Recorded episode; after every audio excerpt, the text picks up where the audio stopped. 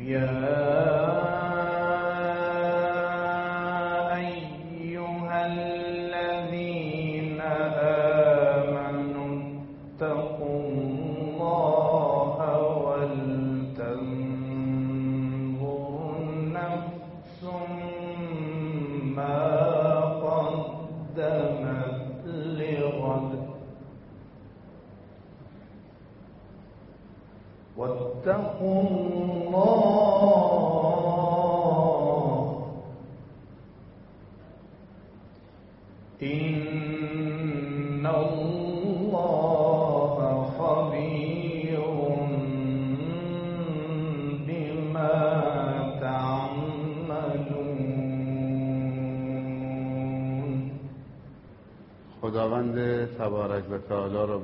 بسیار سپاسگزاریم و تشکر می‌کنیم. اون تشکر از خداوند هم یک ادب هست و هم یک وظیفه و هم یک نیاز. و خداوند تبارک و تعالی وعده حمایت از بندگانی اعلام فرمودن که معدب باشند و وظیفه شناس. اعوذ بالله من الشیطان الرجیم. لئن شکرتم نکن توفیق خداوند یا توفیقات خداوند بی نهایت هست انسان اگر که موفق بشود از یک توفیق بی نهایت توفیق تولید می کند بر مبنای همین آیی که تلاوت شد. لئن شکرتم نکن پس از توفیق توفیقات متعدد ایجاد کردن برمیگرده به خود انسان. منوط به قدر شناسی و سپاسگزاری و وظیفه شناسی است. اگر انسان نعمتهای خدا را با تشکر قولی و عملی ارج بنهد خداوند توفیقش می‌دهد که از یک توفیق صدها توفیق ایجاد بکند.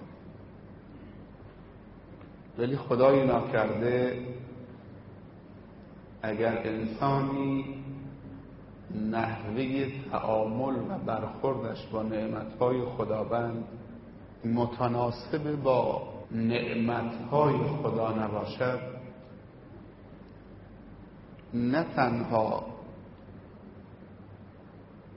توفیقات رشد و برکت از اون نعمت از اون سلب می شود بلکه همون نعمت هم سبب هلاکت و بدبختی او می شود کفران نعمت های خداوند به این معنا نیست که نعمت با تو کاری نداشته باشد.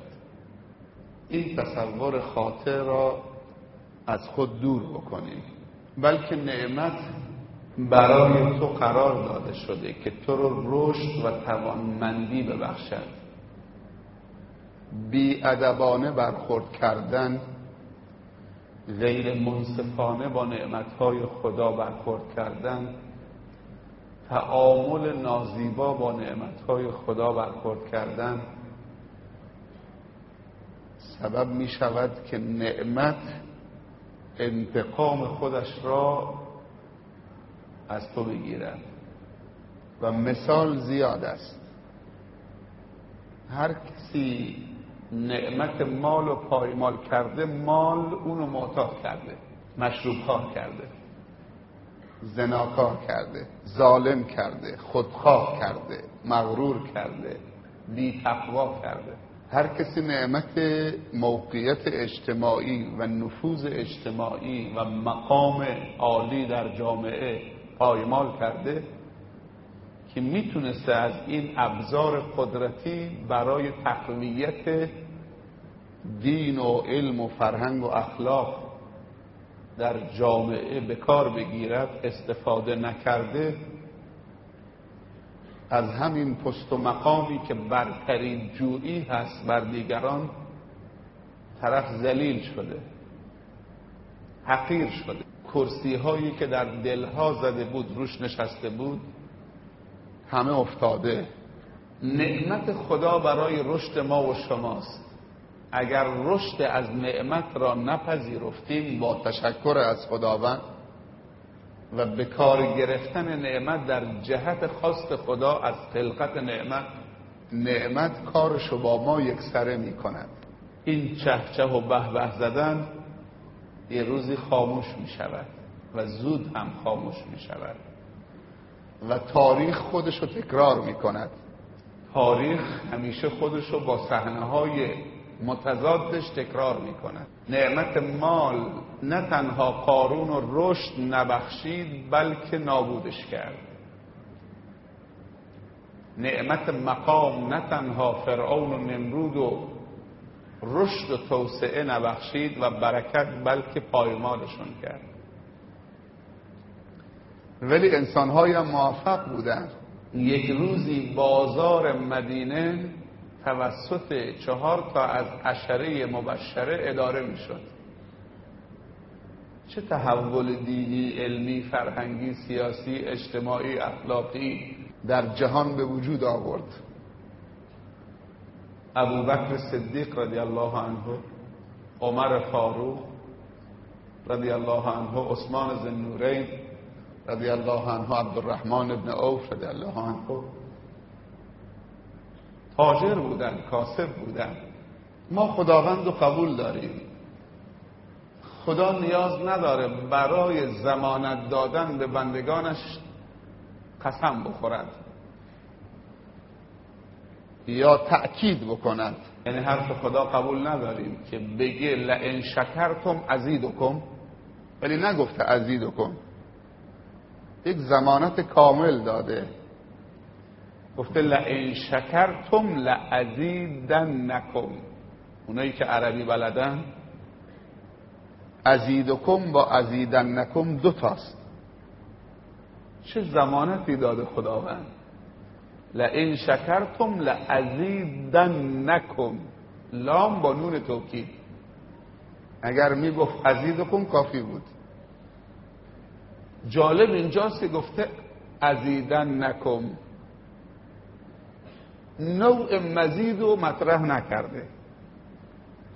چه مزیدی در مقابل شکر؟ و نوع نعمت هم اینجا چه؟ معرفی نکرده. که ذهن ما فقط رو مال بره رو یک چیز بره. در نتیجه تنوع نعمت رو در بر می‌گیره و تنوع حمایت هم در بر می‌گیره. لئن شکرتم نعمت و یا شکر هر نعمت مادی و معنوی رو به جا آوردید. لعزیدن نکم انواع مزیدها خدا می‌داند این مزید چه حمایت است. نصرت پیروزی است توسعه هدایت. شما فکر می‌کنید که هر کسی مالش رو در راه رضای خدا انفاق کرد مالش زیاد میشه؟ این نتیجه شکر انفاقه؟ هر کسی مالش در راه رضای خدا انفاق کرد یک تومن هفتصد تومن میشه؟ از شکر اینو فهمیدی قرآن همدیگر رو تفسیر می‌کنن. یعنی یک آیه آیه دیگر رو تفسیر می‌کنه. اینجا گفته لعزیدن نکن. چه بسا تو مال تو انفاق می‌کنی هدایتت زیاد میشه. مالت شاید زیاد میشه؟ سر جای خودشه. مال و انفاق می‌کنی برای بنای یک مرکز توسعه هدایت مثل مسجد مثل مدرسه توسعه علم فرهنگ. هم مال زیاد میشه هم توسط انفاق تو هدایت توسعه پیدا می‌کنه. علم توسعه پیدا می‌کنه فرهنگ توسعه پیدا می‌کنه تهارت و پاکی توسعه پیدا می‌کنه. تو انفاق کردی مدرسه ساختی تو انفاق کردی مسجد ساختی تو انفاق کردی مدرسه دینی رو دایر کردی کتابخانه رو احداث کردی. تو این مدارس چه دولتی چه دینی؟ جوانایی به نوج به رشد به بلوغ به فرهنگ می‌رسن در نتیجه از نجاست وقتی باسواد شدن تحصیل کرده شدن از نجاست دوری می‌کنن. وقتی مؤمن شدن از پلیدی از فساد از خیلی از مسائل اجتناب می‌کنن. از اونجا هم یک تومن هفتصد تومن والله یضاعف لمن یشاء تو از خدا گرفتید پس انفاق مال و شکر فقط یک نعمت مال تصور نکنید یک تومن میشه 700 تومن یک تومن میشه 700 هزار تومن. اون جای خودش. ولی از اون طرف هم توسعه هدایت توسعه تهارت توسعه تقوا با همون مال نعمت های خدا خاصیت های عجیبی دارن. شکر رو تجربه بکنیم. کفران رو تجربه کردیم در بدر شدیم. اصراف رو تجربه, تجربه کردیم قطره آسمان از ما قطع شد. برکت تو روزی از ما قطع شد. خیلی چیزا رو تجربه کردیم. شکر رو تجربه بکنیم. شکر سه تا رتبه داره. یک این که به خدا در مقابل هر نعمتی بگی الحمدلله. با زبانت. این بهش میگن شکر قولی. یک ادبه. این یک ادبه گرچه برکت تولید نمی‌کنه اون برکتی که منظور خداست. ولی انسان معدبم جذابه. همه رو شفته خودش می‌کنه. اگر کسی گفتی یه قلم به من بدی می‌خوام بنویسم. بعد گفتی دست در نکنه خیلی ممنون متشکرم. تو جذاب میشید تو دلبرو میشید اگه تشکر همین زبانی هم نکردید منفور میشید پس یک نوع ادب زیبنده هست. یه جلوه خاصی به انسان میده. ولی داریم شکر عملی به کار گرفتن نعمت در جهت اهداف خلقت نعمت. خداوند این نعمت رو به چه هدفی خلق کرده؟ آفریده. این دیگه غوغا می‌کنه. این مد نظر خداست که اسرار خلقت نعمت ها رو بدونید در جهتش به کار بگیرید. علما میگن این کاملترین شکره.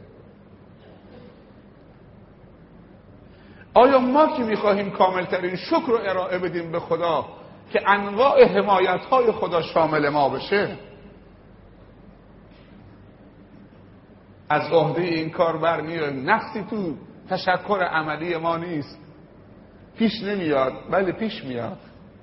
چطوری شکر کامل ناقصمونو که از یه طرف دنبال شکر کامل هستیم ولی بازم نقص و خلل و عیب پیش میاد کامل بکنیم. مرحله سوم معذرت خواهی در مقابل کمکاستی شکر. خدایا من می‌خواستم تو رو راضی بکنم ولی بیشتر از این دیگه در توانم نبود بلد نبودم. تو کمکم بکن. این قسمت سوم اگر کم آوردید تو تشکر از خداوند ولی خواستار تشکر هستید معذرت خواهی می‌کنید از نقص شکرت. و خداوند شکرتو با این معذرت خواهی کامل می‌کنه. مهر قبول می‌زنه. مثل اینکه سلام نماز که میگی سه بار میگی استغفر الله استغفر الله استغفر الله یعنی چی؟ یعنی خدایا اگر نماز من که آمدم تو نماز خواندم در مقابل تو با تواضع ایستادم اما نمی‌دونم نماز کاملی خوندم یا نه. دوست داشتم نماز کاملی بخونم. و اگر می‌دونی که ناقصه من سه بار معذرت خواهی می‌کنم. و مصرم بر معذرت خواهی با یک بار اکتفا نمی‌کنم. سه بار تکرار می‌کنم. خدایا قبول بفرما. انسان کمال نسبی است. الله کمال مطلقه.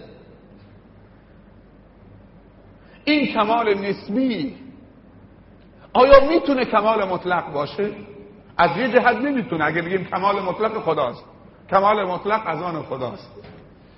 اما راهی برای کمال مطلق داره. این کمال ناقص ما و شما بندگان خدا زمانی به کمال مطلق تبدیل میشه که رابطه ما با کمال مطلق قطع نشه. همیشه متصل باشه. من و تو کمال ناقص و نسبی داریم. وقتی این کمال نسبی متصل به اون کمال مطلقه و رابطه وصل توبه است. خیلی ها می‌خوان که این رابطه کمال نسبی تو با کمال مطلق قیچی بکنن. تا قیچی کردن تو با توبه وصلش کن. استغفر الله العظیم دوباره وصل شدی به کمال مطلق. پشت پر تکیهگاه قوی است در نتیجه تو هم کامل خواهید شد. چون تکیهگاه کمال مطلقه. و من یتق الله یجعل له مخرجا. و من یتوکل علی الله فهو حسبه. چقدر راه هست برای کامل شدن. دنیا میدانی است برای به نمایش گذاشتن شکر خدا. دنیا میدان مسابقه است. بیان تمرین شکر بکنیم تمرین شکر. مادر بچهش طور تربیت کرده اول خواسته هاشون رو می‌پرسه. صبح ساعت شیش مرد خانه می‌خواد برس. محل کارش. تا دم در همراهش می‌کنه میگه مرد. یه اون کلمات زیبایی که به همسرش میگه. میگه نهار چی دوست داری برات درست کنم؟ میگه هرچی درست کردی من می‌خورم. نه می‌خوام بشنوم. بگو. هرچی دوست داری. آخر اصرار می‌کنه تا خواستشو بگیره.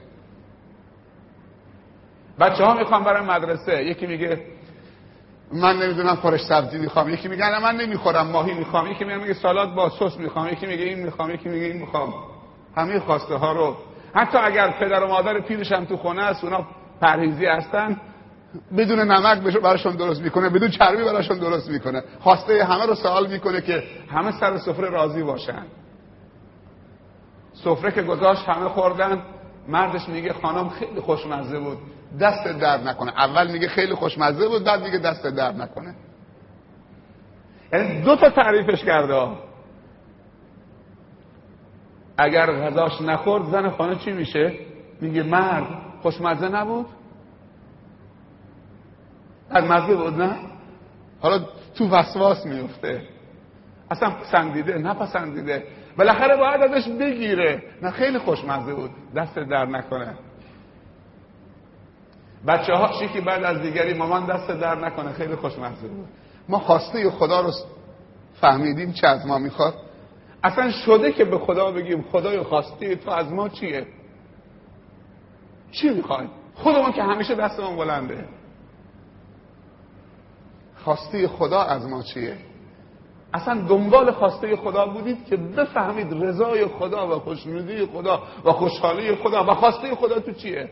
و وقتی خواستشو گفت دوست داره که خواستشو چطوری تو عملی بکنید. اینم هم خواسته و هم نحوه عملی کردنش. مرغو میشه به چند نمونه درست کرد. جوجه کباب درست کرد چلو کباب درست کرد. خورش درست کرد. کنتاکی درست کرد. روزغال درست کرد. کدوم یکیشو؟ خواستم مرغه مرغ به این سبک. خواستم نمازه نماز به این سبک. خواستم علم اقرا کدوم اقرا چطوری بخونم اقرا بسم ربک الذی خلق. خواندنی که به نام رب باشد. برای رضای خدا باشد. نه هر خواندنی. جایی که خواسته های خدا مطرح شده کجاست؟ کتاب آشپزی خواسته شکم شوهر و بچه ها تو مطرح کرده. جایی که خواسته های خدا رو مطرح می‌کنه و نحوه عملی کردن خواسته ها رو. و مدت زمانش و چطوریش؟ و کیفیتش؟ قرآنه سنت دو منبع غنی قوی ارزشمند. که ما ازشون غافلیم گوشمون بدهکار حرف این و اونه. یاد بچه هامون دادیم به خاطر قرم سبزی از ما تشکر بکنن یاد بچه هامون ندادیم به خاطر نماز به خاطر علم به خاطر قرآن به خاطر مسجد به خاطر کعبه به خاطر معلم به خاطر تهارت به خاطر محبت به خاطر توبه اگه این در بسته می‌شد چی می‌شد از خدا تشکر بکنیم خیلی زایه هست اگه یه پیتزا هندی تشکر می‌خواد رمضان تشکر نمی‌خواد از خدا شب قدر. از خدا تشکر نمی‌خواد. یک شب هشتاد سه سال رشد معنوی. یک شب هشتاد و سه سال توسعه هدایت. و برکت. برای یک شب. لیلت القدر خیر من الف شهر. از هزار ماه بهتره. کسی پنج تا شب قدر نصیبش بشه چهارصد و تقریبا 15 سال عمرش افزایش داده. عمر معنویش افزایش داده. این برکت نیست. این هدیه خداوند نیست. خدا از ما دلخوره. اگه تشکر کردن بلد نیستیم. ازش بخواهیم که یادمون بده. اگه یاد گرفتیم پس تشکر برای کیه؟ این مجلس مجلس تشکره. خدایا اونجایی که تو گفتی باید پیدا بشم من پیدا شدم. حالا تو از من راضی هستید؟ گفتی فلانجا نباید ببینمت. معمورین من نباید فلانجا شما رو ثبت بکنن. خدا میگه جایی که دوست دارم تو رو ببینم وای بر حوالت اگه گم شدی. و جایی که دوست ندارم تو رو ببینم وای بر حوالت اگه پیدا شدی. ما کجا پیدا میشیم کجا گم میشیم؟ خیلی مهمه. همه جا نباید آفتابی بشیم تو مدرسه جا ماست. تو دانشگاه باید جای ما باشه. تو مسجد باید جای ما باشه. تو زمین فوتبال و ورزش باید جای ما باشه. شما یک مرد بزرگی داشتید که نمیشناختیدش. فکر می‌کردی که کارگر تربیت بدنیه. از بس که ساده بود. ولی اونهایی که میشناختنش کامل میشناختنش. با یه موتورسیکلت می‌رفت میآمد. برادرمون یوسف مکاری که تصادف کرد و تا آخرین روز بدهکاری تربیت هم داد. برای سلامتی جسم و فکر و روح و روان بچه های شما تلاش می‌کرد. و خیلی انسان های خوبی دیگه تو کتابخانه باید پیدا بشید. جایی که کار خیر باید پیدا بشید. جایی که تعاون همکاری بر بر و تقواس باید پیدا بشید. جایی که نصرت مظلوم باید پیدا بشید. یعنی جایی که نباید پیدا بشید اونجا رو خلوت بکنید تا کم میاره طرف. ولی تو وقتی رفتی کف زدی اونم فکر می‌کنه کار درستی می‌کنه. طرف داره می‌رفته همه دارن کف می‌زنن. چند شب پیش تو روستای مقاومت بودیم. یکی سوال کرد از یکی. من این مسئله رو هم بگم این منطقه رو اجرا بکنیم. ما تو از منطقه خمیر کاهرستان منطقه روستاهای اطراف بندر عباس سه چهار تا منطقه هست تقسیم کردیم. هر هفته روستا جلسه ماهانه. این ماه تو روستای فلانی. هر هفته روستا شوراهاشون ائمه جمعه و جماعاتشون خیرینشون جواناشون ورزشکاراشون دانشجوهاشون همه جمع میشن تو اون روستا. یک سخنران یک پرسش و پاسخ. همدیگه رو می‌بینن. ماه بعدی همه میرن روستای بعدی تا هفته روستا پوره بشه. هفته که تمام شد تو هفت ماه دوباره برمیگرده روستای اولی این الان حدودا 5 6 ساله که داره انجام میشه. امروز عصر این مسجد مملو از خواهرا بود. پر. مثل همین الان. علاقه هست طلب هست. عشق هست. خیر هست. ولی نمیشه متکی به افراد خاص باشید کریم محمدی حرف خیلی عالی زد. توی جلسه خصوصی می‌گفت که مردم بستک از من درخواست کلاس عمومی کردن تو مسجد بستک. برای عموم. ولی من اگر که لبیک بگم خیانت به دانشجویایی کردم که تربیت کردم. اونها بیکار میمونن. دیگه همین میگن شب کریم بیاد. من خیانت به شاگردایی کردم که تربیت کردم. مجال دعوت ازشون گرفتم. که اینا رشد بکنن. دوره عالی خونده. دانشکده الهیات خونده. دانشکده فقه دانشکده دعوت در بندر عباس دانشکده تفسیر در پس من کلاس می‌ذارم برای شاگردام اونا رو تقویت می‌کنم اینها پخش بشن تو جامعه کلاس می‌ذارم برای مردم. مردم هم پذیرش می‌کنن یک سال تحمل بکنن اونا محک می‌خورن. تئوری خوندن بذار میدانی بشن. حالا اگه همه بگن کلاس شیخ عبدالکریم عبدالکریم که کلاس کلاس طلبه ها میره. چه دید بلندیه. شیخ زیایی هم همین کار کرد. شیخ زیایی صد تا دانشجو فرستاد مدینه. دانشجوهاش برگشتن خودش مثل پدری تا یه چند سالی تو جمعشون بود پستش تحویل داد. و یک جمله من ازش شنیدم. گفت الحمدلله که نمردم زیر محراب یا زیر منبر شاگردام جمعیت بیشتر از منبر خودم دیدم. من خودم به من خودم گفته. اینا خصلتشون ملائکه گونیست رشد رو برای همه می‌خوان. به همین منظور علما میگن که اگر عالمی تلاش بکنه و تو نیتش این باشه که من دعوت می‌کنم که مردم خوب بشن ولی مثل خودم بشم این عالم هم بخیله هم خودخواه هم حسوده مثل خودم بشه؟ نه تلاش بکن که اگر خود چیزی از فوت شده شاگردات بهش برسن.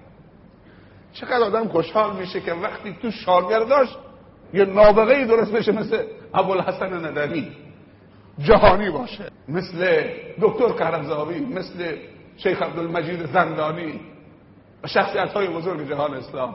لئن شکرتم لعزیدن نکم. هرچی دوست دارید کدوم مزیدی؟ مزیدی که خودت هم تو تصورت نیست. یه تاجری خیر بود تشکر می‌کرد. از جمع علما. تشکرش می‌دونی برای چی بود؟ گفت من از شما جلو پسرش پسرش آورده بود با خودش از دبی مواطن دبی بودن. اونجا متولد شده بودن. چرا تا از علما رفتن خدمتش که تشکر ازش بکنن رو کرد به پسرش گفت این امام سفیدا و لباس سفیدا رو می‌شناسی اینا کیه؟ گفت اینا کسن که به پول بابات و خانوادت خدمت کردن. کاغذ بی ارزشی که تو گاو صندوق پوسیده می‌شد. تبدیل به عالم کردن تبدیل به دانشمند کردن تبدیل به دانشجو کردن. تبدیل به انسانهای زنده و حیات بخش متحرک کردن. خدمتی به پول بابای تو کردن کاغذهای بیروح بیجان این برگه های کاغذی که تو گاو صندوق پوسیده می‌شد. آوردن درش حیات تزریق کردن. شما اینا رو می‌شناسی بابا؟ و بعد رو به علما کرد گفت بابا الان داری از اون فیلم می‌گیری. اگه من مردم بعد از من این پسرم. به پسرم مراجعه بکنید. بابا اینا اگه بعد از من به تو مراجعه کردن اینا تاج سر منن. اینا واجب الاحترامن. لئن شکرتم لازیدن نکن. بریم روی یک آیه دیگه. اعوذ بالله من الشیطان الرجیم. والذین جاهدوا فینا لنهدینهم سبلنا و ان الله لمع المحسنین. کلمه به کلمه حق برای گفتن هست. والذین الذین از سیغه های عمومه. و چه جالب گفته والذین نگفته العرب. نگفته الغنی نگفته القوی نگفته الحکام. گفته والذین. دروازه امیده الذین. عموم بیرنگ و ریا. هر کسی که دوست داره جمله الذین باشه از جمله الذین باشه الذین یعنی کسانی که کدوم کسان؟ الذین. در باز کرده برای همه. فقیر تاجر حاکم محکوم مسئول. سیاه سفید عرب عجم هر کسی که دلش بخواد. والذین ویژگی دوم جاهدو. کدوم جهاد منظورشه؟ تعریف جهاد چیه؟ بذل وسع در حد توان. اون چیزی که در توانته تقدیم بکنید. بذل بکنید. ببخشید. حاضری فکرتو ببخشید؟ ما فکر می‌کنیم بذل و بخشش فقط دست جیب کنید چند تا برگه در بیاری بدی به فقیر. این بذل و بخششه. این نیست. بذل و بخششی از مال. اگه هدایت شدی حاضری که هدایت تو بذل و بخشش بکنی. از هدایت تو خیلی ها به هدایت برسن. پیامبر چی بذل و بخشش کرد؟ هدایت علم. اگه عالمی حاضری بذل و بخشش بکنی مواد فروشا خوب بذل و بخشش می‌کنن. همه رو معتاد کردن. با بذل و بخشششون. و چه ادبم دارن. خواهش می‌کنم یه بار یه این نخود رو مزه بکن. سبک میشی فرشته خوشبختی بال می‌گیری. همینجورا یه جوانی می‌گفت دو ماه یه نفر در گوشم می‌گفت اگه یه بار آبجو بخوری او دو ماه می‌گفت در گوشم می‌گفت. اگه یه بار یه کوت آبجو بخوری سبک میشی بال می‌گیری فلان میشی جرأتت زیاد میشه. و و و دو ماه. خب من چقدر طاقت بکنم یه جوانم؟ ولی امروز تو مناطق ما با لنج دارن پیاده می‌کنن. با لنج. و می‌خوان از همین درآمدش زن و بچه رو سیر بکنن. چون گفتن مشروب خوب سود داره سیگار خوب سود داره مواد مخدر خوب سود داره. رو حساب کی باشه؟ رو حساب چی باشه؟ مثلا سرمایه های ما همه تلف بشه. جوان های ما همه مشروب خار بشن چون آقا می‌خواد خانه سنگ مرمر درست کنه. می‌خواد بلگیت باشه. مدیر عامل شرکت ماکروسافت مرد 600 میلیارد دلاری. سپرده ماکروسافت 600 میلیارد دلاره. اگر اشرار بذل و بخشش نمی کردن بخیل بودن که کسی معتاد نمی‌شد. کسی بد نمی‌شد. کسی بیهجاب نمی‌شد. همه دارن بذل و بخشش می‌کنن. ما هدایت شدگان یا مدعیان هدایت. بخیل و محتکر شدیم. اسلام میگه قند و شکر و برنج نمی‌تونی محتکر بکنی. محتکر باشید احتکار بکنید حرام احتکار. قند و شکر برنج. پس میشه هدایت و احتکار کرد؟ میشه علم و احتکار کرد؟ میشه تهارت و احتکار کرد؟ زمانی بدبخت شدیم که این چیزهای خوب و فقط برای خودمون خواستیم. میگیم آقا تعریف انسان خوب بکن چه کسیه؟ یه کسی که نمازش خوب می‌کنه روزش خوب می‌گیره روزه پنجشنبه دوشنبهش فوت نمیشه تلاوت بعد از نماز صبحش فوت نمیشه ولی کاری به شر و خیر جامعه نداره. خیلی آدم خوبیه خوبیش تو چیه؟ کاری به شر و خیر جامعه نداره. دور از چطور بخوام خواب راحت بکن. ما نمی‌خوام مرد بد بشیم. چقدر شما بی انصافید یه روزی تعدادی از علما رفته بودن یه روستا یه خیری از دبی آمده بود. رفته بودن تشکر بالاخره حالا سفره هم پهن کرده بود. یه تعدادی گفتن ها شکم گنده ها و چابلوس ها و یه کلمه گفتن که زشته من بگم نه. نمی‌تونم بگم. همه تون می‌دونید. چابلوس و شکم گنده و مفخرا آمدن. اگر ما رفتیم چابلوسی کردیم برای چه بوده؟ به خاطری که بتونیم یه مسجدی توی روستایی درست بکنیم. یه مدرسه درست بکنیم. انجمن خیریه خاتم النبی من به دوستان می‌گفتم 500 تا یتیم زیر پوشششه ماهی 25 هزار تومن. ده تا خونه کرایه کرده برای 180 تا دانشجوی ضعیف. در شما چنین چابلوسی بده تو می‌فهمی که ما چابلوسی داریم می‌کنیم؟ چابلوسی برای کی داریم می‌کنیم ما؟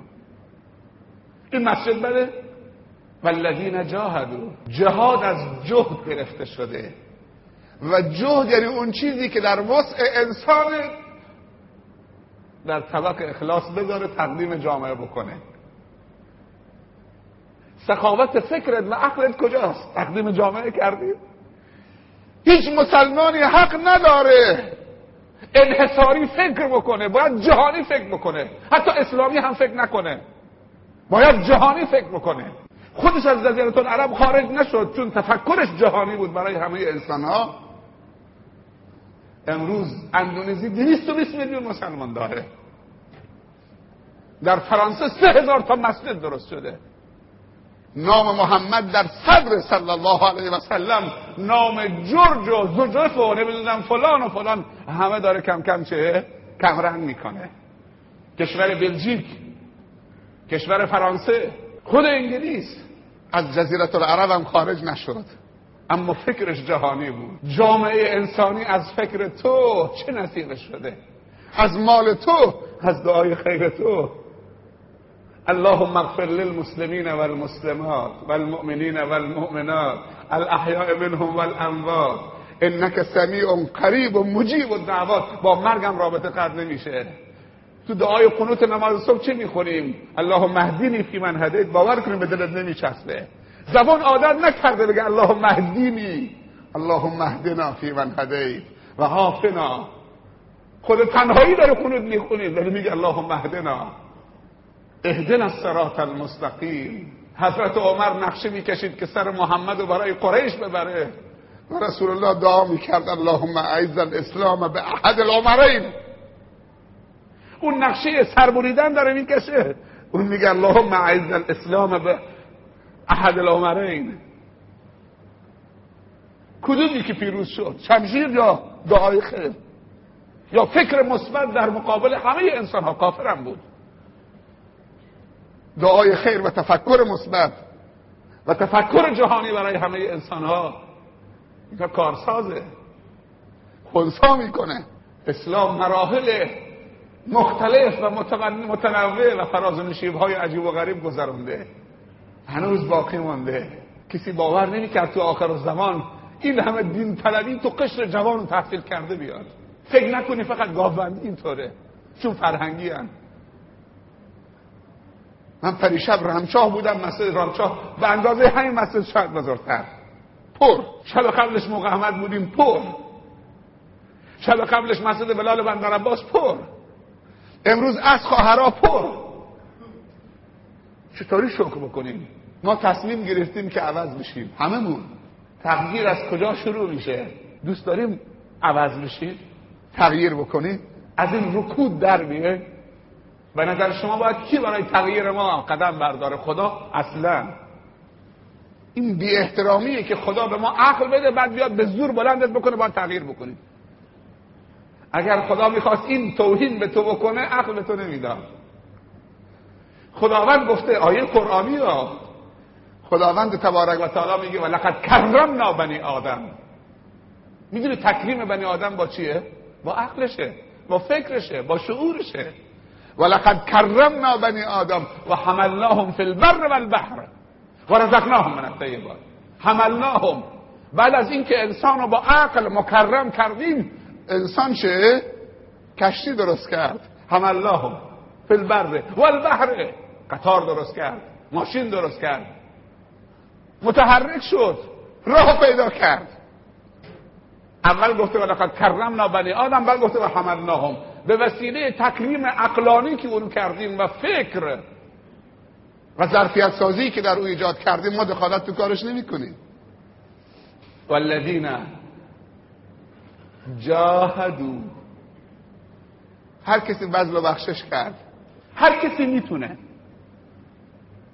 اما کدوم نوع بذل و بخشش؟ کم کم دقیق تر داره میشه. اول گفت الذین بعد گفت جاهدو. الذین رو مقید کرد به جاهدو درسته؟ بعد میگه فینا. جاهدو رو مقید کرد به فینا. باید به خاطر خدا باشه. تا به خدا به خاطر خدا نباشه خالصانه نباشه جواب نمیده. خیلی ها بریدن. دین نمایش نیست. خسته میشه از حرکات های نمایشی. قابد ربک حتی یعتیک الیقین. تا مرگ نیامده نباید دست بکشید اگر نمایش باشه ریا باشه خسته میشه. دین نمایشی نیست. دین اخلاصه. والذین جاهدوا فینا. اقرأ باسم ربک الذی خلق. و ما امروا الا لیعبدوا الله مخلصین له الدین. حنفا. نتیجه چی میشه؟ لام تأکید. نون تأکید. لنهدینهم. سبحان الله والذین جاهدوا فینا لنهدینهم سبلنا. لام تأکید نون تأکید. لنهدینهم. اونها را هدایت می‌کنیم. راهنمایی می‌کنیم ارشاد می‌کنیم. به کدوم راه؟ به یک راه؟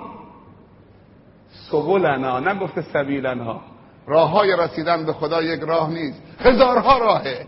خداوند گفته هر چیزی در توان است بذل و بخشش بکن با نیت خدایی با نیت انسان دوستی. من راه های رسیدن به خودم را نشونت میدم. همه راه هاشو از این دیگه زمانت بالاتر؟ دنباله آیه طوری خداوند خاتمه می‌کنه. و این الله لمع المحسنین. این قسمت آخر آیه. فاسق نداره فاجر نداره کافر نداره منافق نداره ظالم نداره سرمایدار بی تقوا نداره. این قسمت آخر آیه. خوب دقت بکنید. این سندیتی که انسان با تقوا داره. همراهی خدا. و این الله لمع المحسنین. تأکید کرده و این الله و این این حرف توکید و نصبه لمع المحسنین.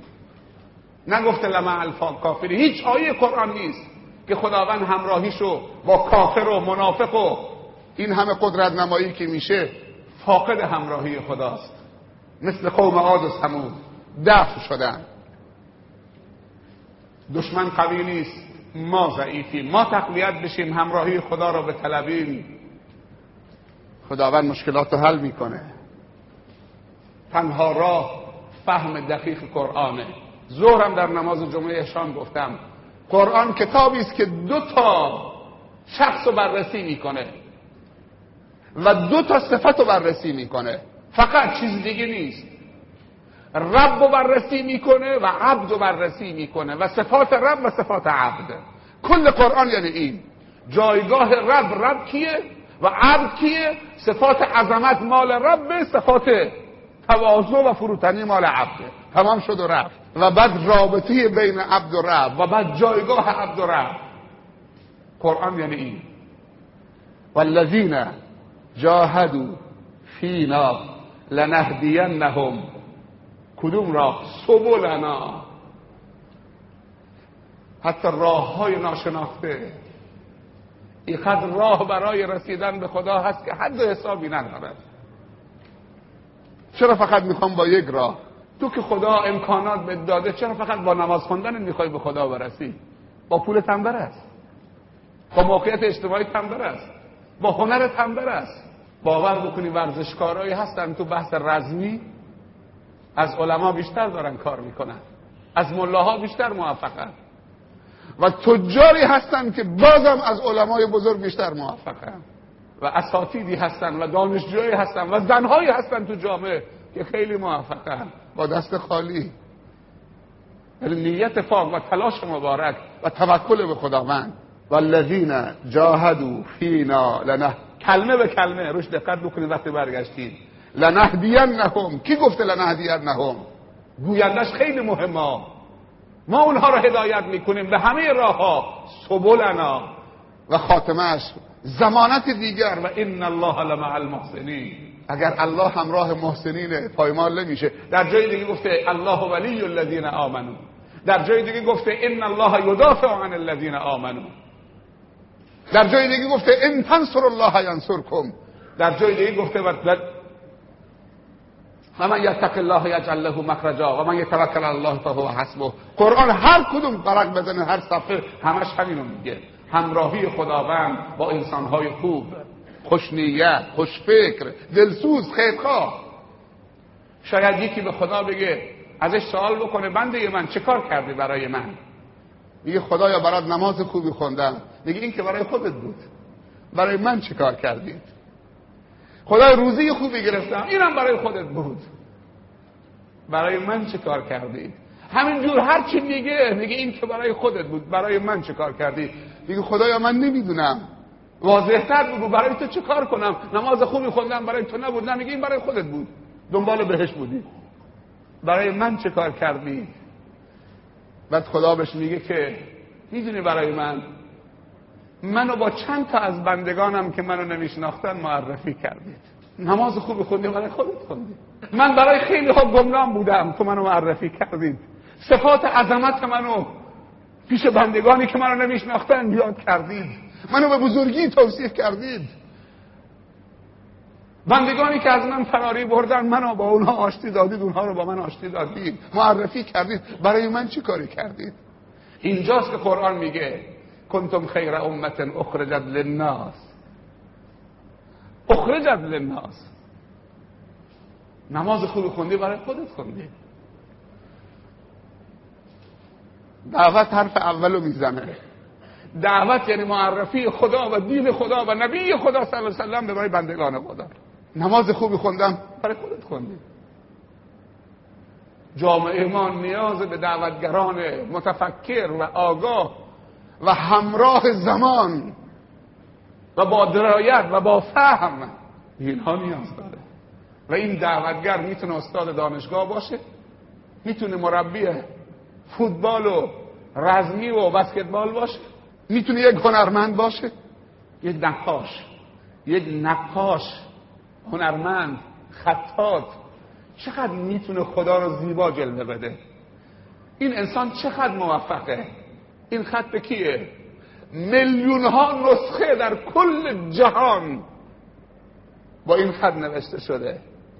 چقدر خدا این انسان و هنرش رو با برکت کرده؟ این زیباترین خط قرآن خط نسخ. نویسندش کیه؟ می‌دونه اینجا چه نویشه؟ چاپخانه نوشته نال شرف کتابتی. میگه شرف کتابت.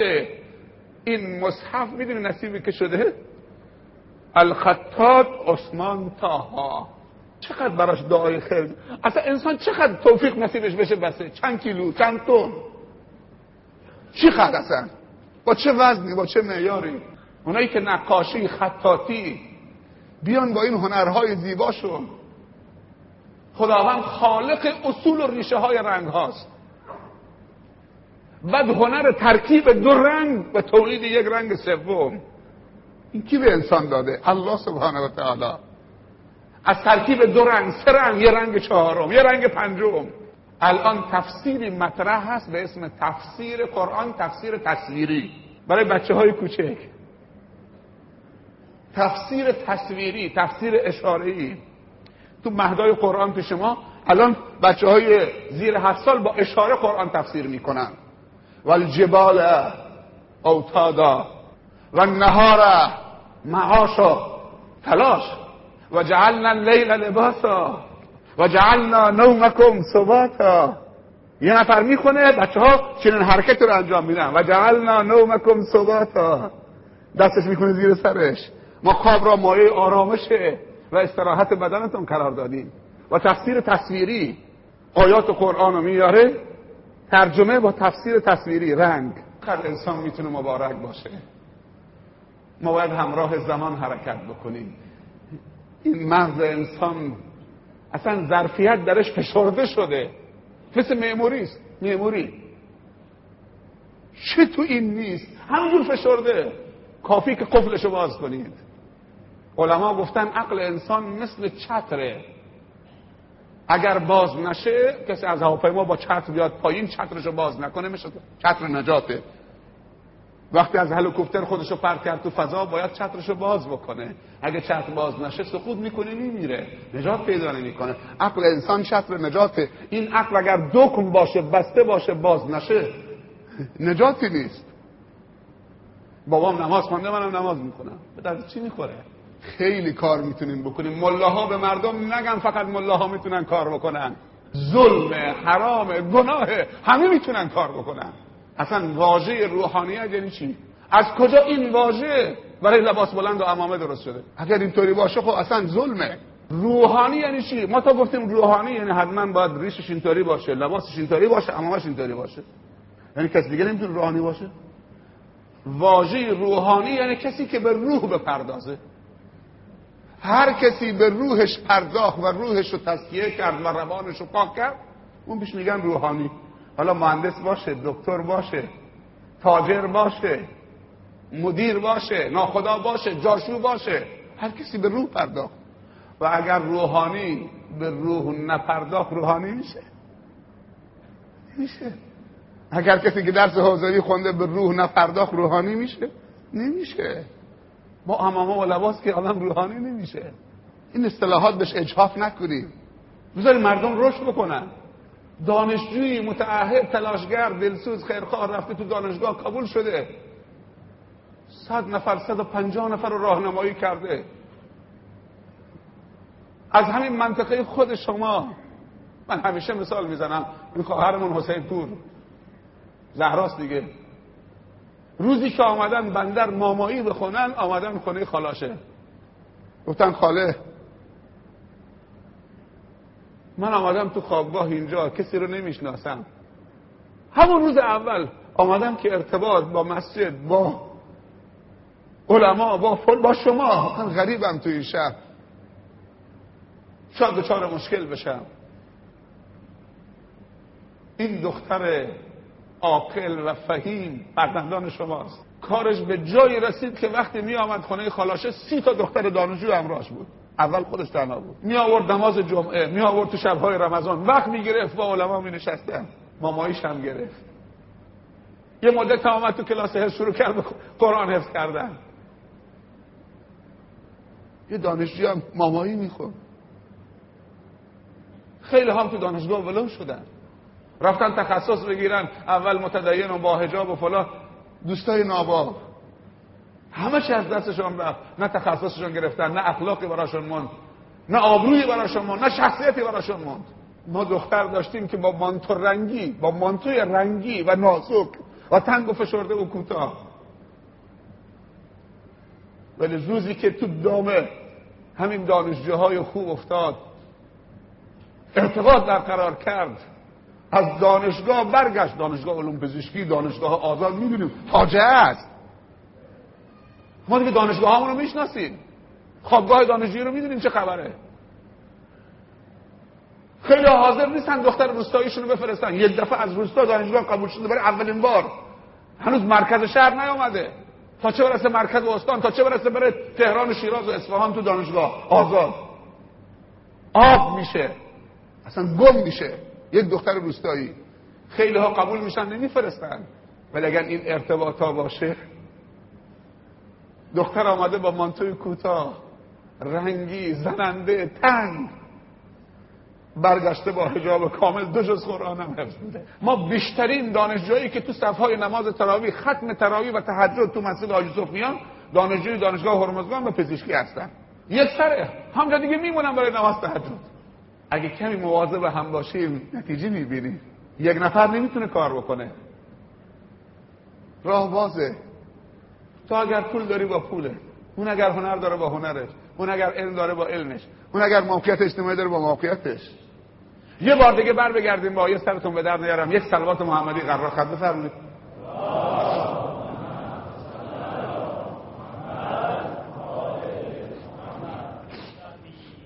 والذین جاهدوا فینا لنهدینهم سبلنا و ان الله لمع المحسنین. به نظر شما تا گفتن جهاد یعنی کلاشینکوف آر پی جی؟ یعنی تا گفتن جهاد ذهن به کجا میره؟ کشتن؟ نه. جهاد برای کشتن نیست. جهاد برای حیات بخشیدنه برای موانع کشنده برطرف کردن موانعی که کشنده است. خفکان ایجاد می‌کنه. جهاد برای اینه. برای آزادی انسان هاست. جهاد کشنده نیست. کشتن نیست جهاد. یه سوالی به من دادن اسامه بن لادن کافر یا مسلمانه؟ از تو خواهرا. کی ذهن بچه های ما رو اینطوری مخشوش کرده؟ من تو کی هستیم که درباره چنین شخصیت های قضاوت کنیم؟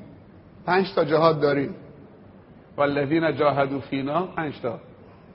جهاد مالی جهاد تبلیغی. و هر کدوم ابزار خودشو داره. جهاد تعلیمی جهاد سیاسی جهاد جنگی. اهل کدوم میشید میادین دعوت. جهاد مالی و بعضی موقع یک نفر موفق میشه که هر پنج تا جهاد انجام بده. بعضی ها جهاد مالی بعضی ها جهاد تبلیغی تعلیمی و هر کدوم ابزار خودشو داره. جهاد مالی جاهدو به اموالکم و انفسکم. اگر بازار هم بازار دوبی تصور بکنید اگر بازار اینقدر مهم بازار که دین ما ایمان ما مساجد ما مدارس ما قرآن ما مرتبط به جهاد مالی است به بازاره. دیدگاهتون نسبت به بازار و دنیا عوض کنید. دنیا ملعون نیست. اگر دنیا ملعون بود خدا رحمش رو تو دنیا نمیگذاشت. رحم خدا دین خداست. نبیش رو نمیگذاشت.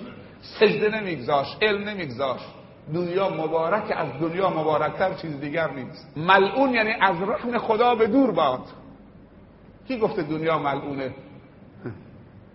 ما در دنیا به رحم خدا نزدیک می‌شویم بعد میگیم دنیا ملعونه. برمیگردم به اول. زمانی که بازار و تجارت و اقتصاد دست عشره مبشره به بهشت بود چه تحولی در جهان در ظرف چهل سال. اما بازار از دست انسانهای با تقوا و خدا ترس و مؤمن خارج بکن. تجارت و مال و اقتصاد بیفته دست انسانهای بی تقوا فاجعه درست میشه. اونهایی که با خدا برن تو بازار نگذارن بی تقواها بیان تو بازار. همه ما باید از این مال بخوریم مسموم میشیم اگر غیر با تقوا تو بازار باشه. فکر نکنید تو خط دین آمدید بازار ملعون ول کن. اعوذ بالله من البازار. اعوذ بالله یعنی بازار محل رشد تقواست. پیامبر صلی الله علیه وسلم میفرمایند هیچ مالی در صدر اسلام به اندازه مال ام المؤمنین خدیجه به درد دعوت نخورده. دوم مال ابو بکر رضی الله عنه. هیچ مالی به اندازه مال ام المؤمنین خدیجه برای دعوت اسلامی مفید نبوده. این زن چقدر مبارک بوده؟ فکر می‌کنم قبلا هم به شما گفتم.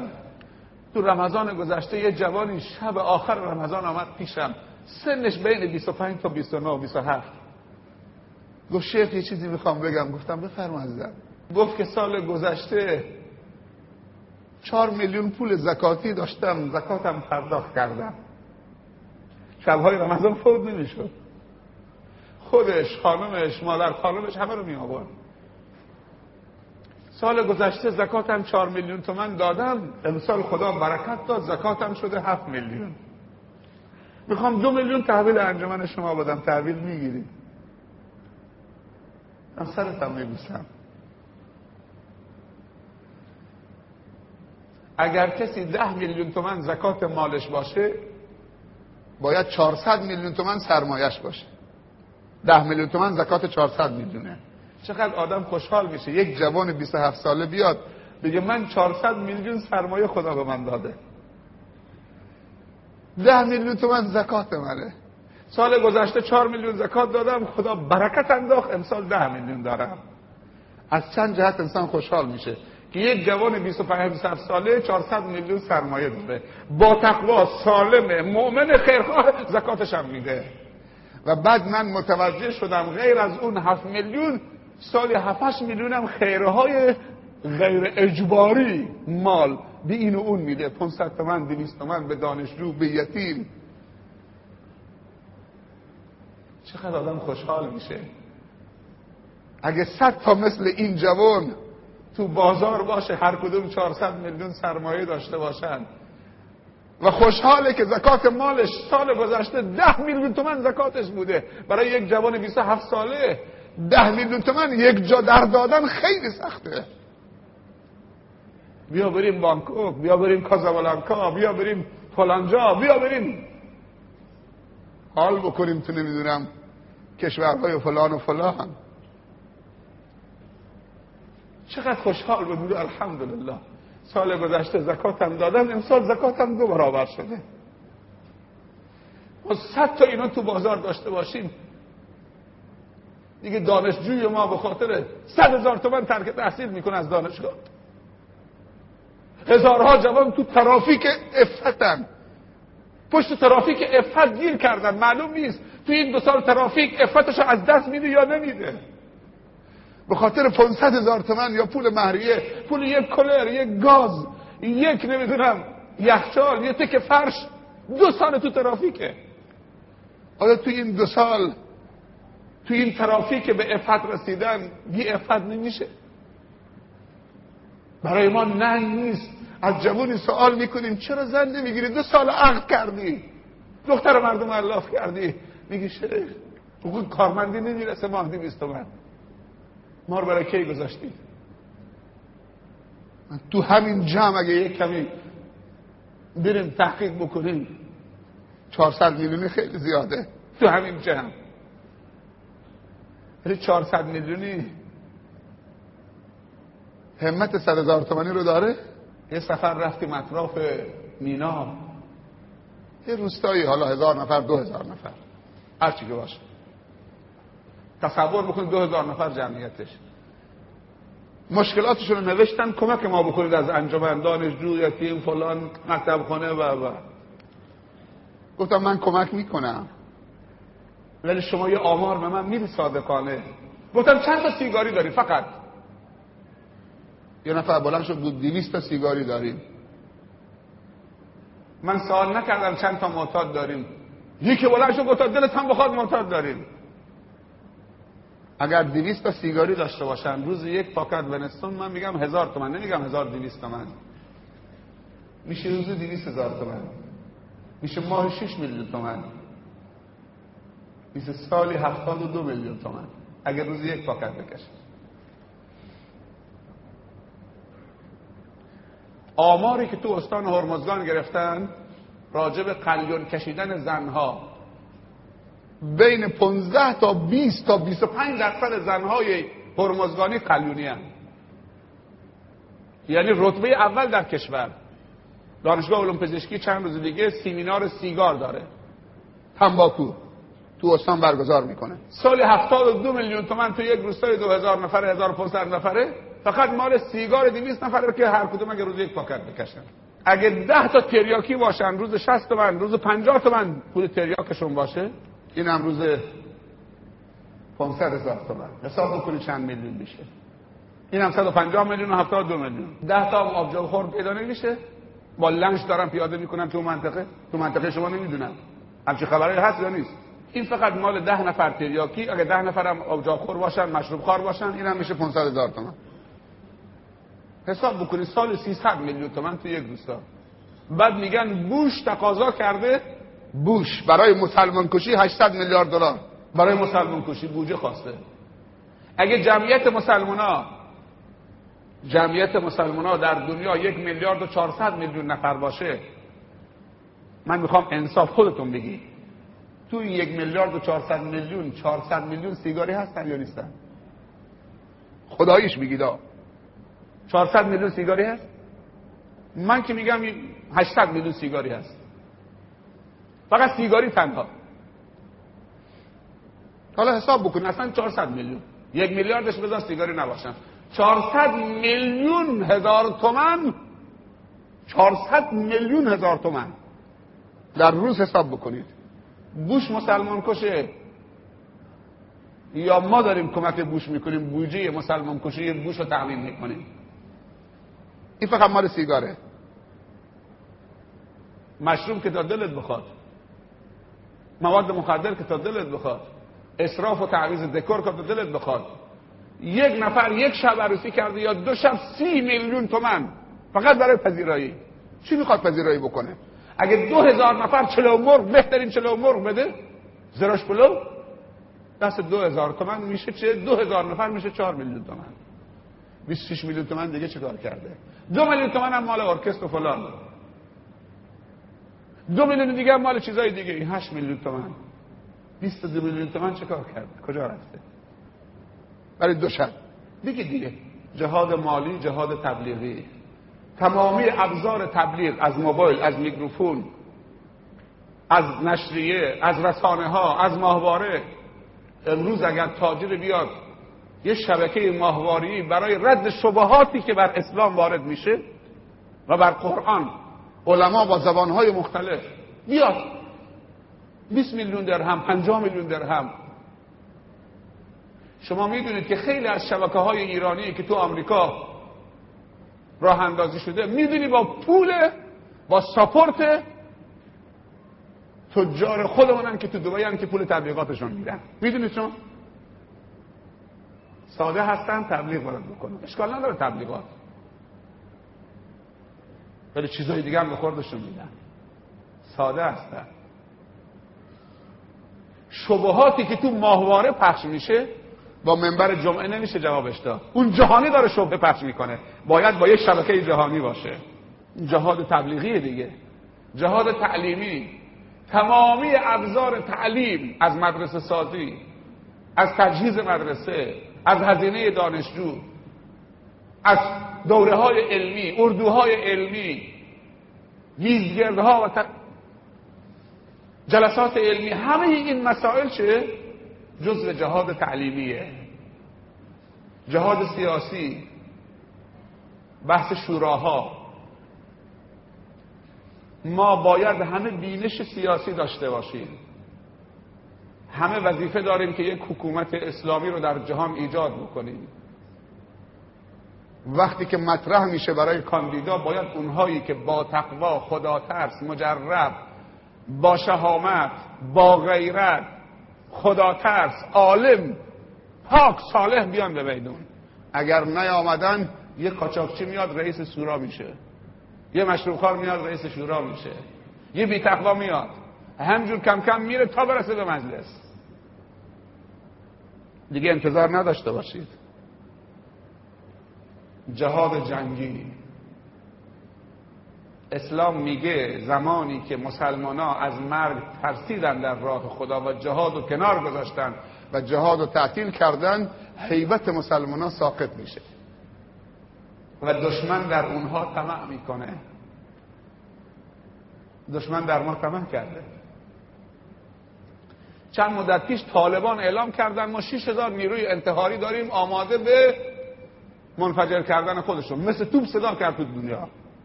همین که طالبان اعلام کردن ما 6000 آماده داریم هر جا بگیم خودشون منفجر می‌کنن. مثل توپ اصلا ندارن کفار ندارن همچین چیزی. یکی از حیبت هایی که به امت اسلامی داده پنج تا ویژگی به رسول الله صلی الله علیه و داده و امتش که به امت های دیگه نداده.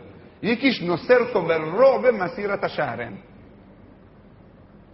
خدا منو نصرت کرده با حیبت و وحشتی که تو دل دشمنان میندازه از مسافت یک ماه. این نصرت و رعب جهاده. تعطیل شد روبشون تمام میشه. آمدن تو قلبمون خیمه زدن. و این الله لمع المحسنین. من به عرایزم خاتمه میدم. بعد از سخنرانی نمایشگاه دایر می شود لطفا اعلام کنید. ظاهرا یه نمایشگاه کتابی دایر کردن. پوستر کتابه. می‌تونید بازدید بکنید. حتما بازدید بکنید بچه ها زحمت کشیده و جوانای خوبمون. خدا جزای خیرشون بده. چقدر خوب این نمایشگاه ها بالاخره برگزار بشه. در زمینه های مختلف. و الان فصل مکتب خانه ها هم هست. مدارس تعطیل شده. یه مدت استراحت.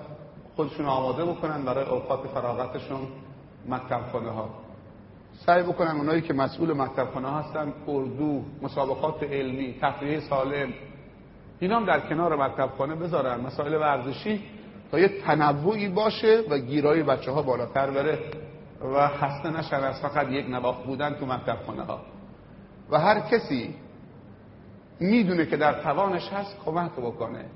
یه نفر بیاد حقوق یک معلم دو ماه تحویل بگیره. شهریه بچت بده دو تا معلم هم تحویل بگیر خدا داده.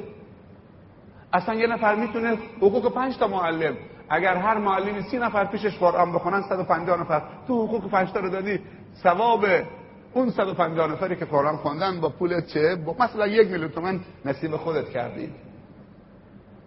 منطقه جاسک و سیریک و کربن و کلاهی و مناطقی که خیر ندارن تاجر اونچنانی ندارن مشکل دارن اونا فراموش نکنید. سال گذشته هزینه منطقه جاس دوازده میلیون تومن بوده. برای پنجاه تا معلم و هشتاد تا پایگاه و 2500 تا دانش آموز. با مشکلات زیادی این دوازده میلیون ما تونستیم چه تهیه بکنیم. چه اشکال داره؟ نصفش از منطقه شما تهیه بشه. یه نفر بلند بشه آقا 5 میلیونش من میدم. 2500 نفر دانش آموز منطقه محروم. دمپایی ندارن بدبختا. زیر سرگ کلاس قرآن دایره تو طوفانشه. به خاطر فقرشون 5200 دانش آموزشون ترک تحصیل کرده بودن. به خاطر فقر. محتاج یه دست لباسه یه جفت کفشه. پول مکتب خونه نداره. امسال حدودا بین 15 تا 18 میلیون برابر شده.